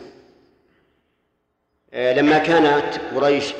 تكذب النبي عليه الصلاة والسلام وتنكر البعث وتقول أئذا متنا وكنا ترابا وعظاما أئنا لمبعوثون حذرهم الله عز وجل أن يقع بهم ما وقع من سبق من الأمم فقال وكم أهلكنا قبلهم من قرن أي كثيرا من القرون أهلكناهم والقرن هنا بمعنى القرون كما قال تعالى وكم أهلكنا من القرون من بعد نوح فأمم كثيرة أهلكها الله عز وجل لما كذبت الرسل فنقبوا في البلاد أي بحثوا في البلاد يريدون المفر والملجأ من من عذاب الله ولكن لم يجدوا مفرا ولهذا قال هل من محيص أي لا محيص لهم ولو ترى إذ فزعوا فلا فوت وأخذوا من مكان قريب وقالوا آمنا به وأنى لهم التناوش من مكان بعيد فما أصاب القوم الذين كذبوا الرسل أولا يصيب هؤلاء ثانيا اقرب شوية اقرب اقرب آه، ساوي الصف يصيب هؤلاء ثانيا لأن الله تبارك وتعالى يقول أولم يسيروا في الأرض فينظروا كيف كان عاقبة الذين من قبلهم دمر الله عليهم وللكافرين أمثالهم ثم قال عز وجل إن في ذلك لذكرى لمن كان له قلب أو ألقى السمع وهو شهيد إن في ذلك أي ما سبق من الآيات العظيمة ومنها ما قص الله تعالى أو ما أشار الله به في هذه الآية الكريمة من إهلاك الأمم السابقة فيه ذكرى لنوعين من الناس الأول من كان له قلب أي من كان له لب وعقل يهتدي به بالتدبر أو ألقى السمع وهو شهيد أي استمع إلى غيره ممن يعظه وهو حاضر القلب فبين الله تعالى أن الذكرى تكون لصنفين من الناس الأول من له عقل ووعي يتدبر ويتأمل بنفسه ويعرف والثاني من يستمع إلى غيره لكن بشرط أن يكون شهيدا أي حاضر القلب وأما من كان لا يستمع للموعظة أو يستمع بغير قلب حاضر أو ليس له عقل يتدبر به فإنه لا ينتفع بهذه الذكرى لأنه غافل ميت القلب ثم قال عز وجل ولقد خلقنا السماوات والأرض وما بينهما في ستة أيام وما مسنا من لغوب هذه ثلاث مخلوقات عظيمة بين الله عز وجل أنه خلقها في ستة أيام وأكد هذا الخبر بثلاثة مؤكدات القسم واللام وقد لأن تقدير الآية والله لقد خلقنا السماوات والأرض فالسماوات معلومة لنا جميعا وهي سبع سماوات طباقا والأرض هي هذه الأرض التي نحن عليها وهي سبع أراضين كما جاءت به السنة صريحا وكما هو ظاهر القرآن في قوله الله الذي خلق سبع سماوات ومن الأرض مثلهن وما بينهما أي بين السماء والأرض والذي بين السماء والأرض مخلوقات عظيمة يدل على عظمها أن الله جعلها عديلة لخلق السماوات وخلق الأرض فهي مخلوقات عظيمة والآن كلما تقدم العلم بالفلك ظهر من آيات الله عز وجل فيما بين السماء والأرض ما لم يكن معلوما لكثير من الناس من قبل في ستة أيام أولها الأحد وآخرها الجمعة ولو شاء عز وجل لخلقها بلحظة لأن أمره إذا أراد شيئا أن يكون أن يقول له كن فيكون لكنه جل وعلا يخلق الأشياء بأسباب ومقدمات تتكامل شيئا فشيئا حتى تتم كما أنه لو شاء لخلق الجنين في بطن أمه بلحظة لكنه يخلقه أطوارا حتى يتكامل كذلك السماوات لو شاء لخلق السماوات والأرض وما بينهما لو شاء لخلقها بلحظة لكنه عز وجل يخلق الأشياء تتكامل شيئا فشيئا وقال بعض العلماء وفيه فائدة أخرى وهي أن نعلم عباده التأني في الأمور وأن لا يأخذ الأمور بسرعة لأن المهم هو الإتقان وليس العجال والإسراع وما مسنا من لغوب أي ما مسنا من تعب وإعياء وهذا كقوله تعالى أولم يروا أن الله الذي خلق السماوات والأرض ولم يعي بخلقهن فهو عز وجل خلق هذه السماوات العظيمة والأرضين وما بينها بدون تعب ولا إعياء وإنما انتفى عنه التعب جل وعلا لكمال قوته وقدرته وما كان الله ليعجزه من شيء في السماوات ولا في الأرض إنه كان عليما قديرا فاصبر على ما يقولون أمر الله نبيه صلى الله عليه وعلى آله وسلم أن يصبر على ما يقولون وقد قال عز وجل في آية أخرى فاصبر كما صبر أولو العزم من الرسل ولا تستعجل لهم كأنهم يوم يرون ما يوعدون لم يلبثوا إلا ساعة من نار اصبر فإن العاقبة للمتقين فاصبر على ما يقولون وهم يقولون إن محمد كذاب وساحر وشاعر وكاهن ومجنون وأنه لا بعث وإن كانوا يقرون بالرب عز وجل وأنه خالق السماوات والأرض لكن لا يقرون بأمور الغيب المستقبلة فأمره الله أن يصبر على ما يقول والصبر على ما يقولون يتضمن شيئين الأول عدم التضجر مما يقول هؤلاء وأن يتحمل ما يقوله أعداؤه فيه وفيما جاء به والثاني أن يمضي في الدعوة إلى الله وألا يتقاعس وسبح بحمد ربك قبل طلوع الشمس وقبل الغروب سبح تسبيحا مقرونا بالحمد في هذين الوقتين قبل طلوع الشمس وقبل الغروب قال أكثر المفسرين المراد بذلك صلاة الفجر وصلاة العصر وهما أفضل الصلوات الخمس قال النبي صلى الله عليه وسلم من صلى البردين دخل الجنة والبردان هما الفجر وفيه برودة الليل والعصر وفيه برودة النهار وقال النبي صلى الله عليه وسلم إنكم سترون ربكم كما ترون القمر ليلة البدر لا تضامون في رؤيته فإن استطعتم ألا تغلبوا على صلاة قبل طلوع الشمس وصلاة قبل غروبها فافعلوا فالصلاة التي قبل طلوع الشمس هي الفجر والصلاة التي قبل غروبها هي العصر وفيه دليل على أن المحافظة على هاتين الصلاتين من أسباب دخول الجنة والنظر إلى وجه الله الكريم وأفضلهما العصر لأن الله تعالى خصها بالذكر حين أمر بالمحافظة على الصلوات فقال حافظوا على الصلوات والصلاة الوسطى وهي العصر كما فسرها بذلك أعلم الخلق بكتاب الله وهو الرسول صلى الله عليه وعلى آله وسلم سبح بحمد ربك قبل طلوع الشمس المراد ايش؟ الفجر